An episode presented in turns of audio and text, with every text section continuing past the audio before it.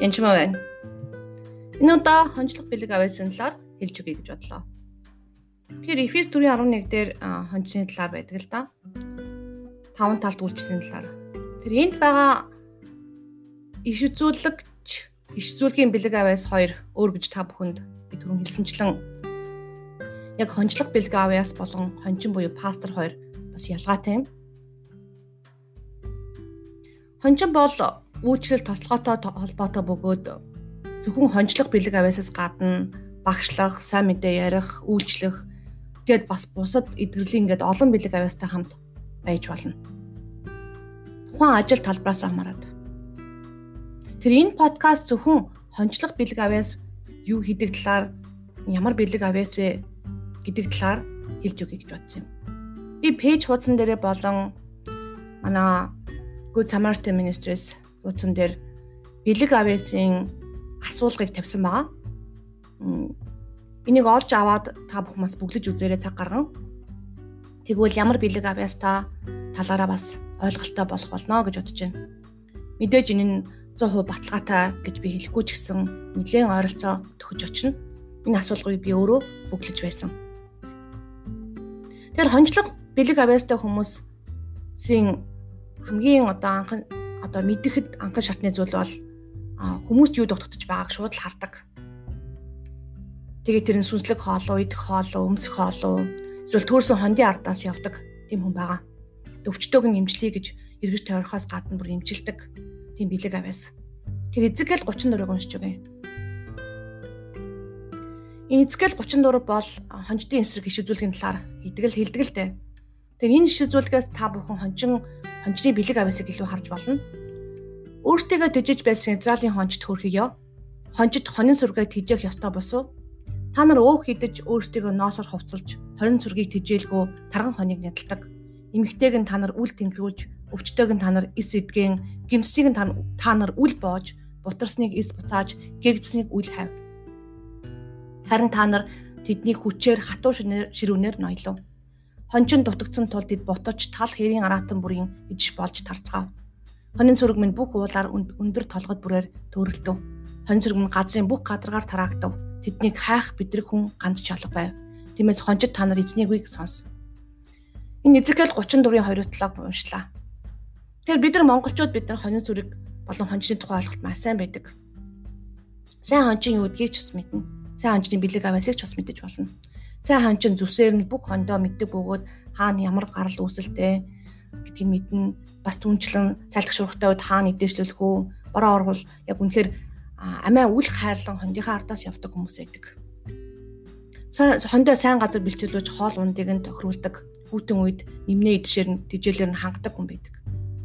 Тэр хончны бэлэг ависын нэгдүгээрт нь өөртөөсөө илүү хоны төлөө явдаг. Үнэхээр хүний төлөө гэдэг Бүхнээ бурхан тайртай хайртай түүнээс гадна бурхан хүн тайртайг ойлгодог бөгөөд хүний төлөө явдаг хүн байдаг. Тэгэхээр хүмүүсийг шүүдэггүй тэр хүмүүсийн хэрэгцээ шаардлагыг шууд хардаг. Хоёрдугаарт нь тэн байна. Эмэгтэй өнчин бэлэвсэрсэн хүмүүсийн ард үнэхээр тусал зогсдог хүн байдаг. Гуравдугаарт нь өвчтөө хүмүүсийг идгээдэг байгаа. Энэ бэлэг авиас эдгэрлийн бэлэг авиастай хамт буюу хамтарч хэрэглэгддэг бөгөөд шууд хончны бэлэг авиастай хүмүүс өвчтөе хүнс нэгүсэж хайрлахаас гадна эргэж очдог. Түнчлэн туслая гэж бодхоос гадна шууд л очиж залбирахад эдгэрдэг байгаа бас. Тэрнээс гадна хүмүүсийн өсөлтөн дээр анхаардаг байгаа.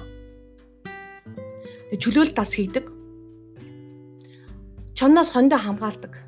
Гэхдээ харамч гэсэн утгатай биш хүмүүсийн өсөлтийг сайн анзаарч заримд нь одоо нэлхтэн сүү заримд нь том болсонд нь өвтөж ял өгдөг заримд нь бас хүнээр бол түн даалгавар өгч өсөх боломжоор нь хангадаг байгаа. Бутарсан, маргалцсан асуудал, маргалдааны асуудал байл сүм чуулган дээр ч юм уу эсвэл хэрэг юм бэ хоорондоо асуудал гарсан бол түүнийг бас эвдрүүлэх гэж оролддог байгаа. Аль хурдан эвдрүүлэх гэж зуучилдаг тийм хүн байдаг.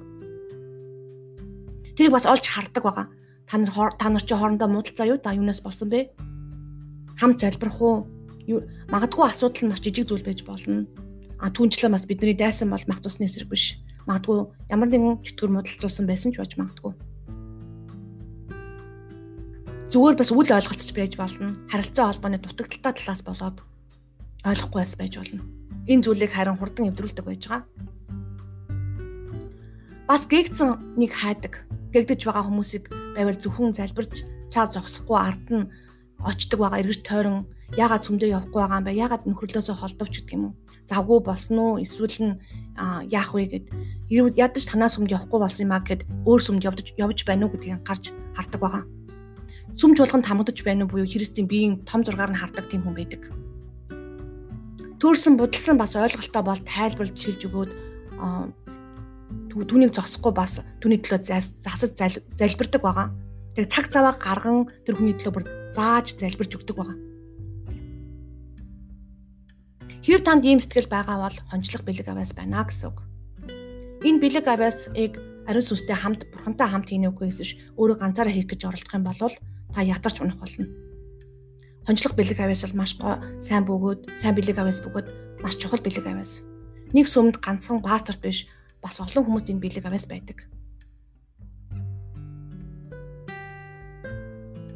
Ийм бэлэг авяастай хүмүүсээ пастор нь сайн тэтгэж өрсөлдөх биш харин хамтран үйлчилж харин ч сайн хамтарч байгааг ажиллах хэрэгтэй.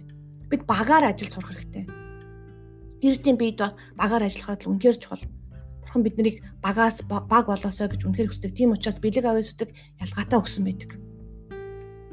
Тэр ийм бэлэг авьяастай хүмүүсийг ажлыг нь хийлэхгүй боож одоо биел пастор чи хийхгүй гэж хийх юм бол энэ хүмүүс их унтарч гутардаг байгаа. Энэ аюултай харин ч бутлах аюултай. Тийм учраас пастор нь илүү одоо мэрэгэн ухаанаар тэр хүмүүсийг харин ажил тавьж байх хэрэгтэй. Зөвхөн эсийн бүлэг удирдуулаад зогсохгүй бас өөр өөр ажлуудад хуваарлаж тавьж явах хэрэгтэй гэсэн үг. Бурхны хаанчлалын төлөө хамтаа үйлчлдэг гэдгийг аль аль нь сайн ойлгох хэрэгтэй.